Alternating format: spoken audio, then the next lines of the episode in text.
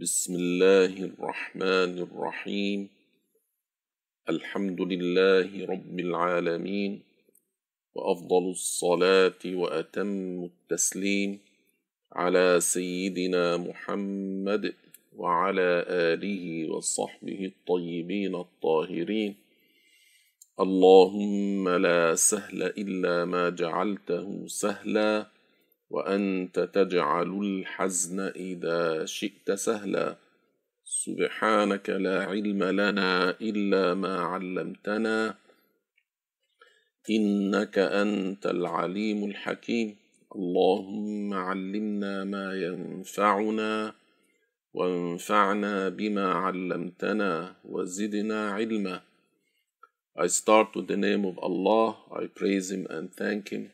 I ask Him to raise the rank of Prophet Muhammad and to protect his Muslim followers from whatever he feared for them. This is lesson 6 of the Sirah lesson in the book The Glorious Life of Muhammad, the Final Prophet. We mentioned that our Prophet was born an orphan. Lady Halima nursed him for some time. His mother died when he was six years old. His grandfather, Abdul Muttalib, uh, took care of him for two years, then he died. Abu Talib, his uncle, cared for him from that point on, from the age eight and so on. The blessings of the Prophet were clear from early age. Food was in abundance in his presence. And here is an event that took place in Medina when the Prophet ﷺ was about 60 years old. We said that this was not the first time food is blessed at the hands of the Prophet. Abu Hurairah, may Allah accept his deeds, said and this is in a hadith narrated by Al Imam Al Bukhari in Kitab in the Riqaq chapter. Abu Hurairah, may Allah accept his deeds, said by Allah, means I swear by Allah, who no one is God but Allah. I used out of hunger to press my stomach against the ground, or I would tie a stone over it. One day I was sitting by the side of a public thoroughfare, means a pathway, when the Prophet ﷺ passed by me. On seeing me, he smiled and recognized from my face my condition. He said, Abu Hir, in Arabic, Aba Hir. I respond, responded, I am here, O Messenger of Allah. Labbaika ya Rasulallah. He said, Follow me. And he walked on. I followed him. On reaching home, he sought the permission of the house occupants and entered. He also permitted me to enter. Therein, means in the house, he found a cup of milk. He asked the occupants, means the people of the house, From where has this milk come? They said, It is a present for you from a man or a woman. He called me Abu Hir. I responded, I'm here at your service, O Messenger of Allah. He said, Go and bring the Suffah people into me. Abu Huraira said to himself, yani, the Suffah people were the guests of the Muslims. They had no house or family no property, and no one with whom they could live.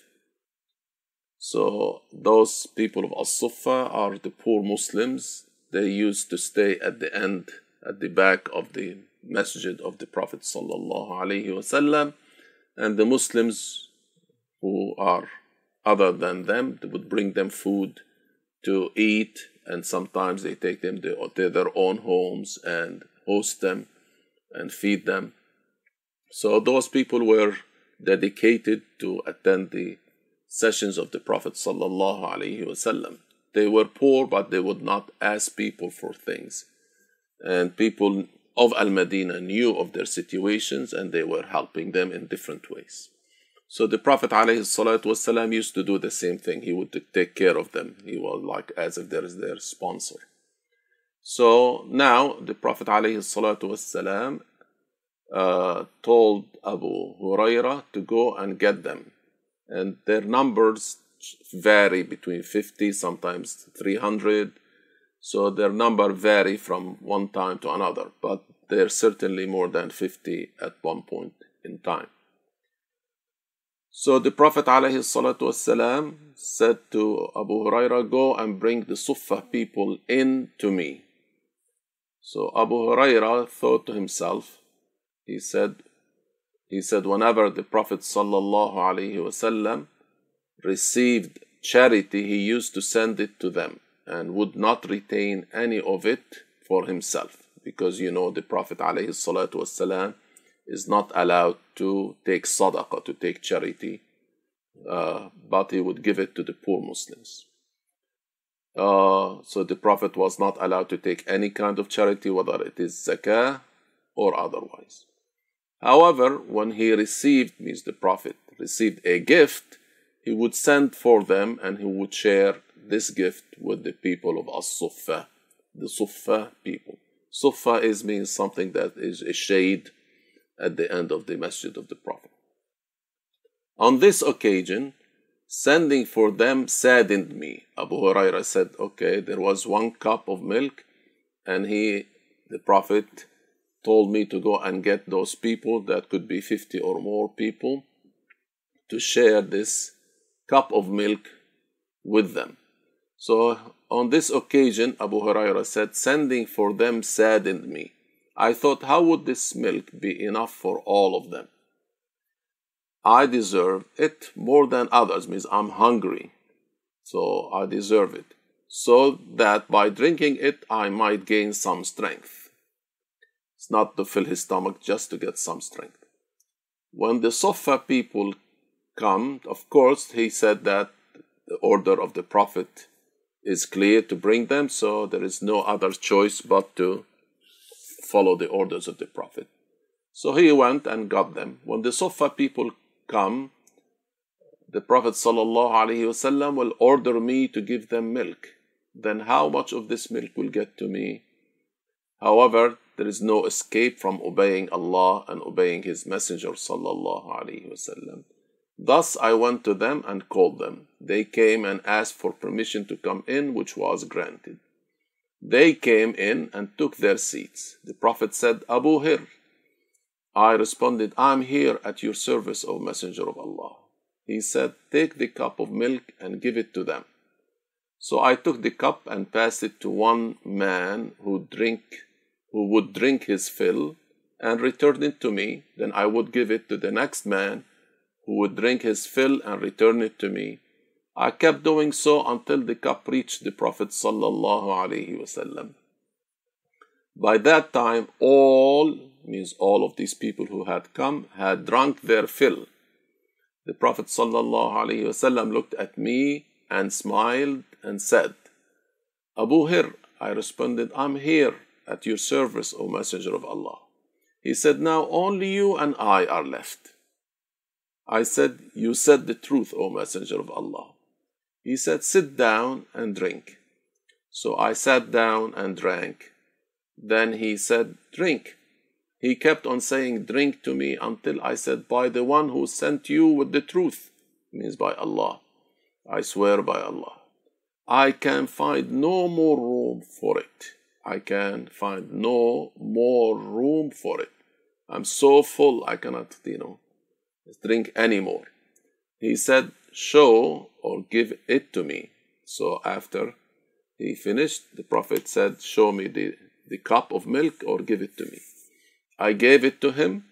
He thanked Allah, the Prophet وسلم, said Bismillah, and drank the rest of the milk. So we could say that one cup of milk was enough for many people and this is, as we said, was not the only incident. There were incidents in his childhood and when he became also a prophet that are mentioned in the seerah of the Prophet. Now, let's continue uh, with our book on page 40. It was just like third paragraph from the bottom. The authors, may Allah have mercy on them, said there were no schools in Arabia at that time, and few people of the city could read or write. Muhammad sallallahu alaihi wasallam grew up not reading or writing, not because he was unable, but because he did not go to school for that knowledge. Although he did not attend school, Muhammad knew and spoke the Arabic language flawlessly. Muhammad memorized information without the need to write it down. When Muhammad was 12, he went with Abu Talib, who was a merchant, towards the land of Asham. Remember, the land of Asham includes Lebanon, Syria, Jordan, and Palestine. A priest called Bahira saw Muhammad sallallahu alaihi wasallam. So that priest was in the area of Asham. He knew immediately that there was something special about Muhammad. He embraced him and then offered him food. Then he uncovered Muhammad's back, looking for a mark between his shoulders that he knew that the last prophet would have. So there was a mark we call in Arabic Khatamun Nubuwa, and this seal of prophethood is a raised flesh between the prophet's shoulders. It is at the top of his left shoulder. And it has the size of a pigeon egg. It's red in color and it's surrounded by black hairs combined like a mole. So Bahira knew signs of the last prophet from the teachings of Prophet Jesus alayhi salam that had been preserved. Please, there where it said Jesus alayhi salam, there is a period that needs to be deleted as we mentioned in the companion, in the file that came with the book. It's called List of Comments. So, Bahira, this priest, knew the signs of the last prophet from the teachings of Prophet Jesus that has been preserved. We said that some of the teachings of Isa alayhi salam were perverted, but he had some preserved teachings. Bahira said to Abu Talib, the uncle of the Prophet, Your nephew has a very high status. Return with him to your hometown and guard him against the Jews, lest, in for fear of, lest they notice the signs I noticed. Abu Talib hurriedly finished his trade and returned Muhammad wasallam to Mecca. Out of fear for his safety, Abu Talib no longer took Muhammad wasallam with him on his trading routes or routes. At that time, there were people who were Christians claiming to follow Prophet Jesus' teachings, and people who were Jews claiming to follow Prophet Moses' teachings. By that time, neither group, means the Christians or the Jews, neither group was truly following the teachings of those beloved prophets, Moses and Jesus. The Christians had perverted the true message of Jesus and said that he was the Son of God. The Jews denied the prophethood of Jesus alayhi At that time, the Jews still had the Torah, which was revealed to Moses. In the true Torah, Torah, God revealed the description of the last prophet and ordered that they should follow him when he came. The same information was in the scripture revealed to Jesus. However, by the time of Prophet Muhammad sallallahu alaihi wasallam, the scripture had been distorted. There are many stories about how Christians and Jews had heard that a last prophet was to come, and they knew signs of how to recognize him, how to recognize him. What is called the Old Testament or Torah nowadays is not the Torah revealed to Moses. One proof is that in the Old Testament it is written that God created the heavens and earth in six days, and then he rested on the seventh day. This is blasphemy. In reality, God never revealed to any prophet that he rested. In the greatest verse of the Holy Quran, in Al Baqarah 255, means Ayatul Kursi, God refuted those who say this about him. God revealed that neither slumber nor sleep seizes him. The ayah لا تأخذه سنة ولا نوم It means neither slumber nor sleep seizes Allah subhanahu wa ta'ala.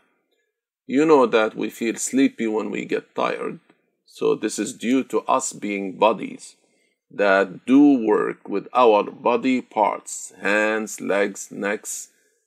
But Allah is not a body made of organs and pieces. So when He creates, He does not touch things or move.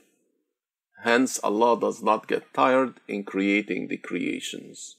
So we usually touch things, deal with things with our parts that move, mechanical. So we get tired and then we go to bed to sleep. Allah subhanahu wa ta'ala again is not a body, so he's not made of parts. So when he creates things, he does not touch things. There are no body parts that that that move and hence he does not get tired and he of course does not get overwhelmed with sleep. So Allah mentioned that. In another verse of the Quran, God mentions that He created the heavens and earth in six days. He was not overwhelmed and he was not overwhelmed by fatigue. Allah said in Surah Qaf, verse 38, ولقد خلقنا السماوات والأرض وما بينهما في ست ستة أيام وما مسنا من لغوب So Allah made it clear that He created the heavens and the earth and what's in between in six days, and He did not feel tired. He was not exhausted afterwards. Praise be to God. Chapter 5 The Blessed Household of the Messenger of God, sallallahu alayhi wasallam. We know from our beloved Prophet, peace and blessings be upon him, that he was a shepherd at some time in his life. He, in fact, said in a hadith, ما من نبي إلا ورعى الغنم. So there is no prophet but worked as a shepherd, but you know, you know, attended to sheep, to sheep's. If you have a cat at home, you need to take care of it. If make sure that it has enough food and water. If it goes for a while out of your sight, let's say two hours, you say, Oh, I don't know what happened to it, and you start worrying about it. The shepherd does the same. However, the difference is that he has a group of sheep, could be 20 or 50 sheep. So they go out in the open, and to graze, for example. And there are wolves, hyenas, different type of dangerous animals that are ready to attack the sheep. So the shepherd needs to be patient with the sheep, caring for them, or else he will start losing them one at a time or in groups. So our prophet said that every prophet tended sheep, being a shepherd helped to prepare the prophets for the great task of caring for and guiding people. By the time Prophet Muhammad wasallam was 25 years old, he was known in Mecca by the name of Al Amin, the trustworthy, because of his good traits. Also, he was known as Sadiq, which means the truthful, the one who does not lie. Abu Talib was suffering from being quite poor. Hence, when an opportunity came for his nephew, for his nephew to make some money through trade, Abu Talib encouraged him to pursue it even though he feared for his safety. So we said earlier that Abu Talib was a poor person with large number of uh, number of mem- you know family members, children. So he needed the money, and he used to be a tradesperson. So whenever he could encourage Prophet Muhammad sallallahu alaihi wasallam to earn money to bring for the family, then he would do it, although he feared for his safety, as we mentioned. Trading was a point of pride for the people of Quraysh. They did not have agriculture, their land was mainly mountains and barren, so their main skill was trading. Abu Talib said, O nephew, I am a man with no money. We had bad years and we have no money or trade. The caravan of your people is about to leave to the Sham area. Khadija, the daughter of Khuwaylid, Khadija bint Khuwaylid, is hiring men for your people from your people to trade for her.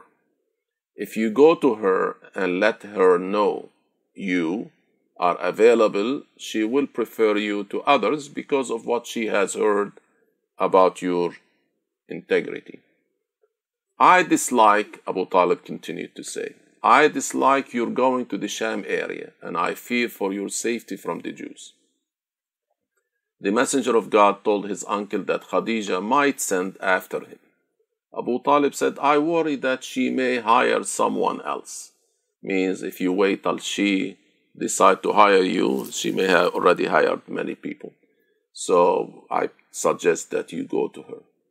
Khadija, Khadija bint Khuwaylid was a trading woman with a high status. She became wealthy from her business of sending her goods to Asham to sell and buy other goods to bring back to Mecca to sell.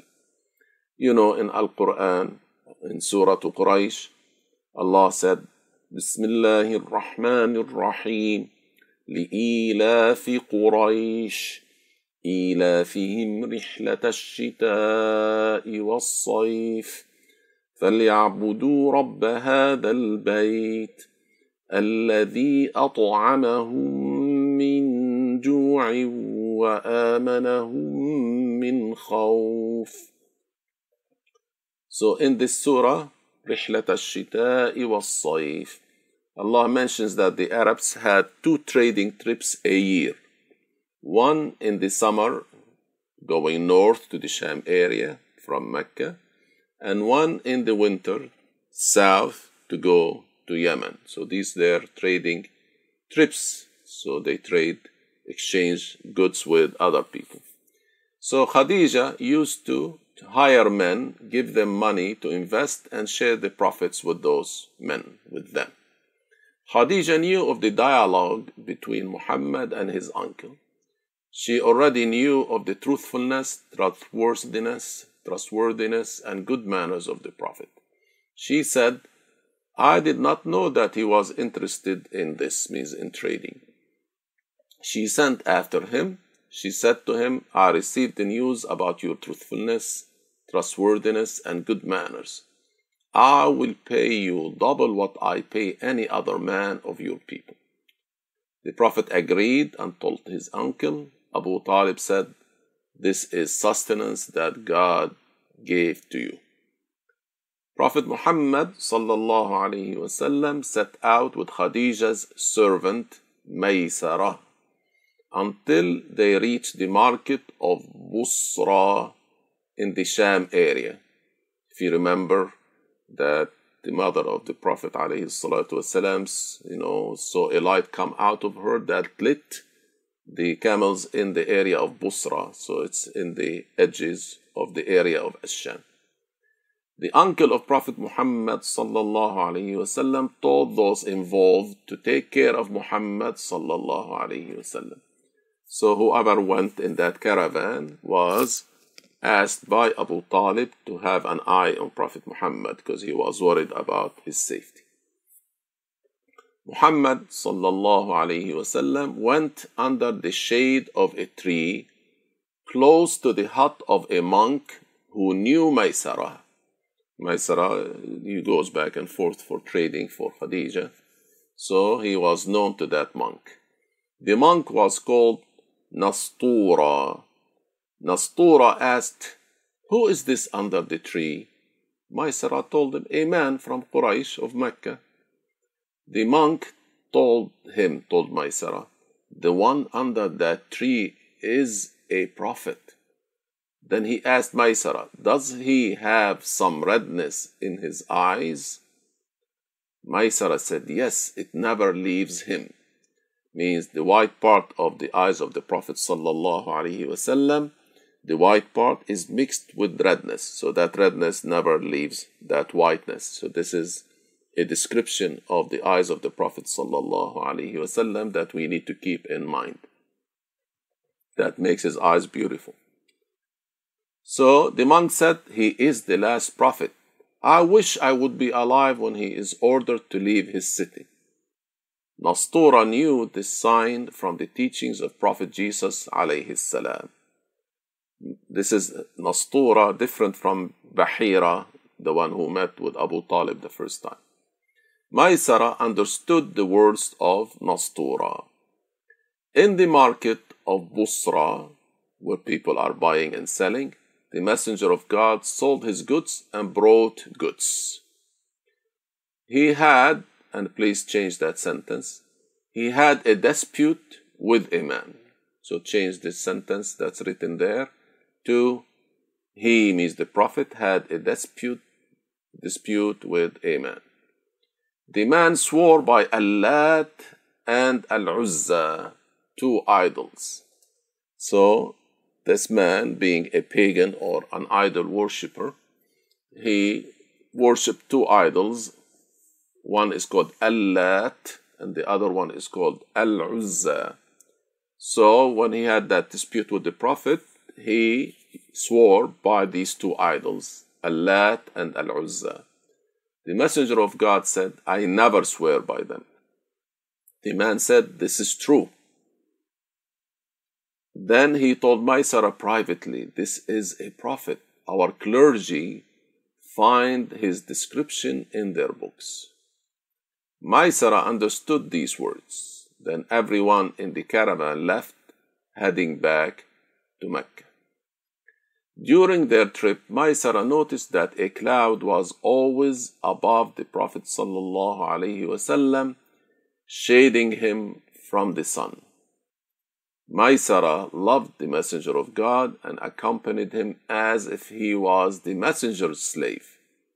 So, although he was the servant of Khadija, he acted in this trip as if he were the slave of our Messenger sallallahu alaihi wasallam, because during the trip, which may take around two months, pepper from Mecca to the area of Asham, you know, having camels, and the camels are loaded with with with uh, articles or trading materials. So they're not going to be running; they will be walking slowly.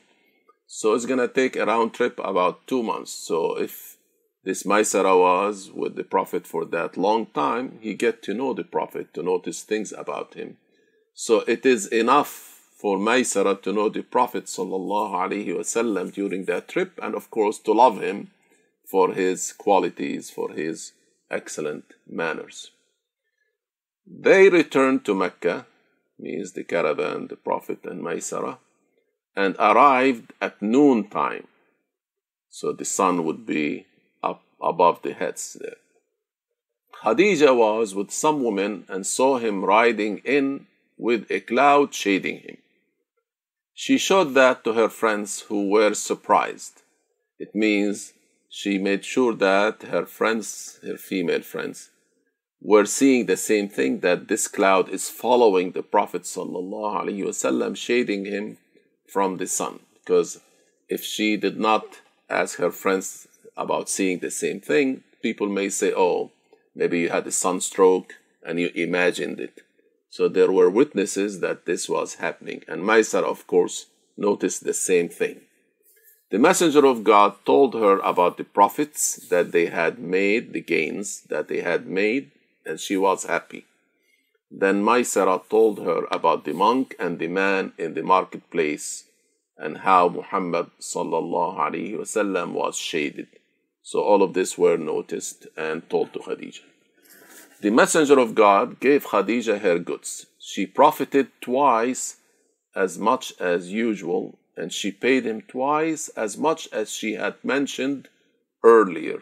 So she gave him four times as much as any, anyone else would be paid. She was a very honorable and intelligent woman, had a high status, and was the wealthiest of all women of Quraysh. Every man desired to marry her if he could. One of Lady Khadija's friends gave our Prophet a hint that Lady Khadija would accept a marriage proposal from him. Prophet Muhammad wasallam went to Lady Khadija's uncle with his uncle Hamza and proposed to her. So this was a the habit that a man who was interested in marrying a woman would go to a man who's a relative of the lady of the woman and propose tell him about the proposal and usually he goes uh, accompanied by also some people, some men who are known in the community as a support. So the Prophet went with his uncle Hamza, who was also known in among Quraysh, and proposed to marry Khadija, talking to her uncle. The Prophet was 25 and she was 40. So you have 15 years uh, of Khadija ahead of the Prophet sallallahu alaihi wasallam. So she was, although she was older than him. Although they were not of the same age, they loved each other dearly and had a very happy marriage. After his marriage to Lady Khadija, the young man Muhammad sallallahu alaihi wasallam had comfort that was new to him. Although Khadija was at an age where many women stop having children, she gave birth to six children with her husband.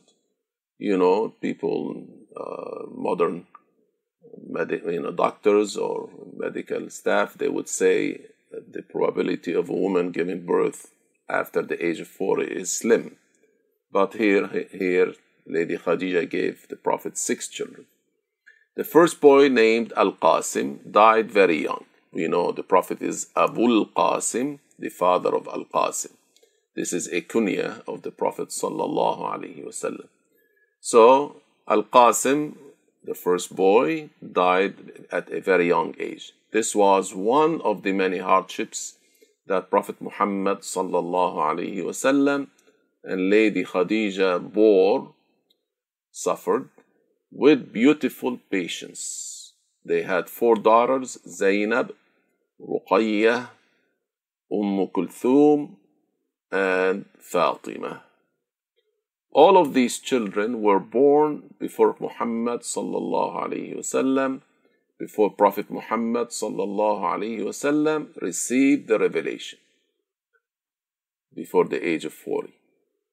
It is said that their last child was a boy named Abdullah, who was born after our Prophet received the revelation when Lady Khadija, may God raise her exalted rank, was past the age of 50. Abdullah was also called At-Tayyib and At-Tahir. This son also died young, which made some evil people mock our Prophet that he had no sons. They claimed that the Prophet wasallam would be forgotten due to having no sons to carry his name. You know, according to the Arabs and others at the same time, the sons are the carriers of the father's name. So, with no son, they claimed that he was, the Prophet was cut off and people will not remember him. They called him Abtar. And Allah subhanahu wa ta'ala revealed Surah Al-Kawthar. بسم الله الرحمن الرحيم إنا أعطيناك الكوثر فصل لربك وانحر إن شانئك هو الأبتر So إن شانئك هو الأبتر يعني إن مبغضك هو المقطوع الذي الذي ليس له ذكر المقطوع من كل خير مقطوع العمل مقطوع الذكر So this uh, last verse إن شانئك هو الأبتر means the one who hates you O Muhammad is the one who is chopped off, who is cut off, who is unknown, who is not famous. I mean, I always try to tell them I try to remember this man's name when I give classes, and I say, and I keep forgetting him. But Muhammad sallallahu alaihi wasallam has been and is still the most famous man on earth. So he has millions of followers all over earth, spreading his teachings of goodness, mercy, compassion, and justice. Before receiving the revelation, the Prophet gave two of his daughters in marriage. At that time, when our Prophet received the revelation, Fatima was still young and unmarried, living at home with her beloved parents. Also in the household were Ali, the son of Abu Talib, means the uncle, the, the cousin of the Prophet, Zayd ibn Haritha, and Barakah. All of these were in the household of the Prophet. All of these people became great Muslims and dear companions of our beloved Prophet sallallahu alaihi wasallam. All of these companions have interesting stories. Lady Fatima, may God bless her greatly, became the best woman of her time. She was the only daughter of our Prophet to outlive him. She died six months after his death. So all of the children the Prophet died before him, with the exception of Fatima, who died six months after the Prophet's death. Fatima, Fatima was a woman of great faith, anha. As a young girl, she saw her father hurt so much by the blasphemers. She helped her blessed father in her own way and was very dear to him. Fatima grew up to give birth to the beloved grandsons of our Prophet through her marriage with her second paternal cousin, Ali ibn Abi Talib. The beloved grandsons are Al Hassan and Al Hussein radiallahu anhumah. Prophet Muhammad sallallahu alaihi wasallam wanted to help his uncle Abu Talib, who had helped him when he was a young orphan. Remember, he took care of him from the age of eight. He offered to care for Ali to help ease Abu Talib with his financial responsibilities. Al Abbas, is the uncle of the Prophet, the brother of Abu Talib, took in his brother's other son Ja'far Abu Talib kept his son Aqil with him. Aqil was the eldest son. So this is a practice when you know of a family that is, is suffering to support their children, you may offer to take the grant or the uh, spending off the shoulders of the parents by, you know, having one of their child or more if you can and spend on them. So that's what the Prophet said by taking Ali in, Al Abbas taking Ja'far, and Abu Talib his eldest son Aqil. Hence, Ali had the greatest blessing of being raised by the best of the creation. So now Ali is raised in the house of the Prophet. So he had all that chance to be all that time with the Prophet and learn from him. Ali was only 10 years old when the revelation came to his cousin Prophet Muhammad sallallahu alaihi wasallam. So the Prophet was 40, Ali was 10. So you could see there is 30 years difference in age between the Prophet and Ali. Now another person, Zayd ibn Haritha was a slave of Lady Khadija. She gave him to our Prophet who later set him free. Although Zayd became free, he loved Muhammad sallallahu wasallam so much that he wanted to stay living with him. Even when the true father of Zayd found that his son was alive, Zayd preferred to live with Prophet Muhammad sallallahu alaihi wasallam rather than go with his real father. When the father showed up, uh, uh, the Prophet said, Zayd, you know, he left to Zayd to choose whether to stay with him or to go with his father. And Zayd preferred to live with the Prophet rather than going with his real father. Seeing that, means when the Prophet saw that uh, Zayd wants to stay with him, Prophet Muhammad sallallahu alaihi wasallam adopted Zayd, and he was thus called Zayd ibn Muhammad, Zayd the son of Muhammad, until God made adoption prohibited. He then was again called Zayd ibn Haritha. And this needs explanation. When we say the adoption is prohibited, means giving a person, saying that a person is your child when he is not your child. So Zayd was not the son of Muhammad, so he was the son of Al Haritha. So you may have a child, you know, added to your household and taking care of this child, raising the child, etc. But you are not allowed to say, This is my own child, my biological child, or my blood child. Because the blood child inherits his father, inherits his parent when the parent dies. The, this child who was brought into the family called adopted is not has no right to uh, to inherit the dead parent. And also, for example, if that adopting parent has a daughter, this adopted has a daughter means blood daughter.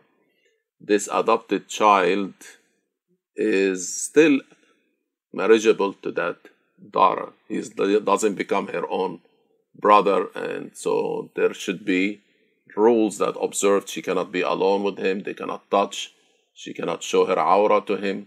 So that's the adoption that we're talking about that is prohibited. Just claiming that this adopted child to be a biological child. But to have him uh, in and to raise him and teach him the religious rules, taking care of him, has a lot of reward. So just differentiate between the two cases. Baraka was as was said earlier, the slave of our Prophet's father. She was a woman from East Africa. Our Prophet ﷺ set her free. She continued to stay with the Prophet's household and enjoyed the great blessings of seeing the last Prophet ﷺ grow up and become the greatest teacher of mankind. She continued to live close to the Prophet sallallahu alaihi wasallam even after the immigration. God made her a woman of great faith to the extent that He endowed an extraordinary event on her. When the hijrah, the immigration from Mecca to Medina, became an obligation on the Muslims, Baraka had to make the trip from Mecca to Medina by herself. Remember, her other name is Umm Ayman. En route to Medina means on the way to Medina. She had no water left. She became very thirsty. A short time later, she heard the flapping of wings and saw a pitcher of water come down. Baraka drank from that water, after which she never felt thirsty again. Later, she married Zayd ibn Haritha, and they had a son called Usama, who was also a very dear uh, uh, person to the Prophet sallallahu alaihi wasallam. So Zayd was called Hibbu Rasulillah, and Usama was called the son, the Hibbu Rasulillah, who is the son of Hibbu Rasulillah. Means he, Usama, was the beloved to the Prophet, the son of Zayd, who is also the beloved to the Prophet صلى الله عليه وسلم إن شاء الله we'll stop here. Uh, لا إله إلا الله اللهم صل على سيدنا محمد وعلى آله وصحبه وسلم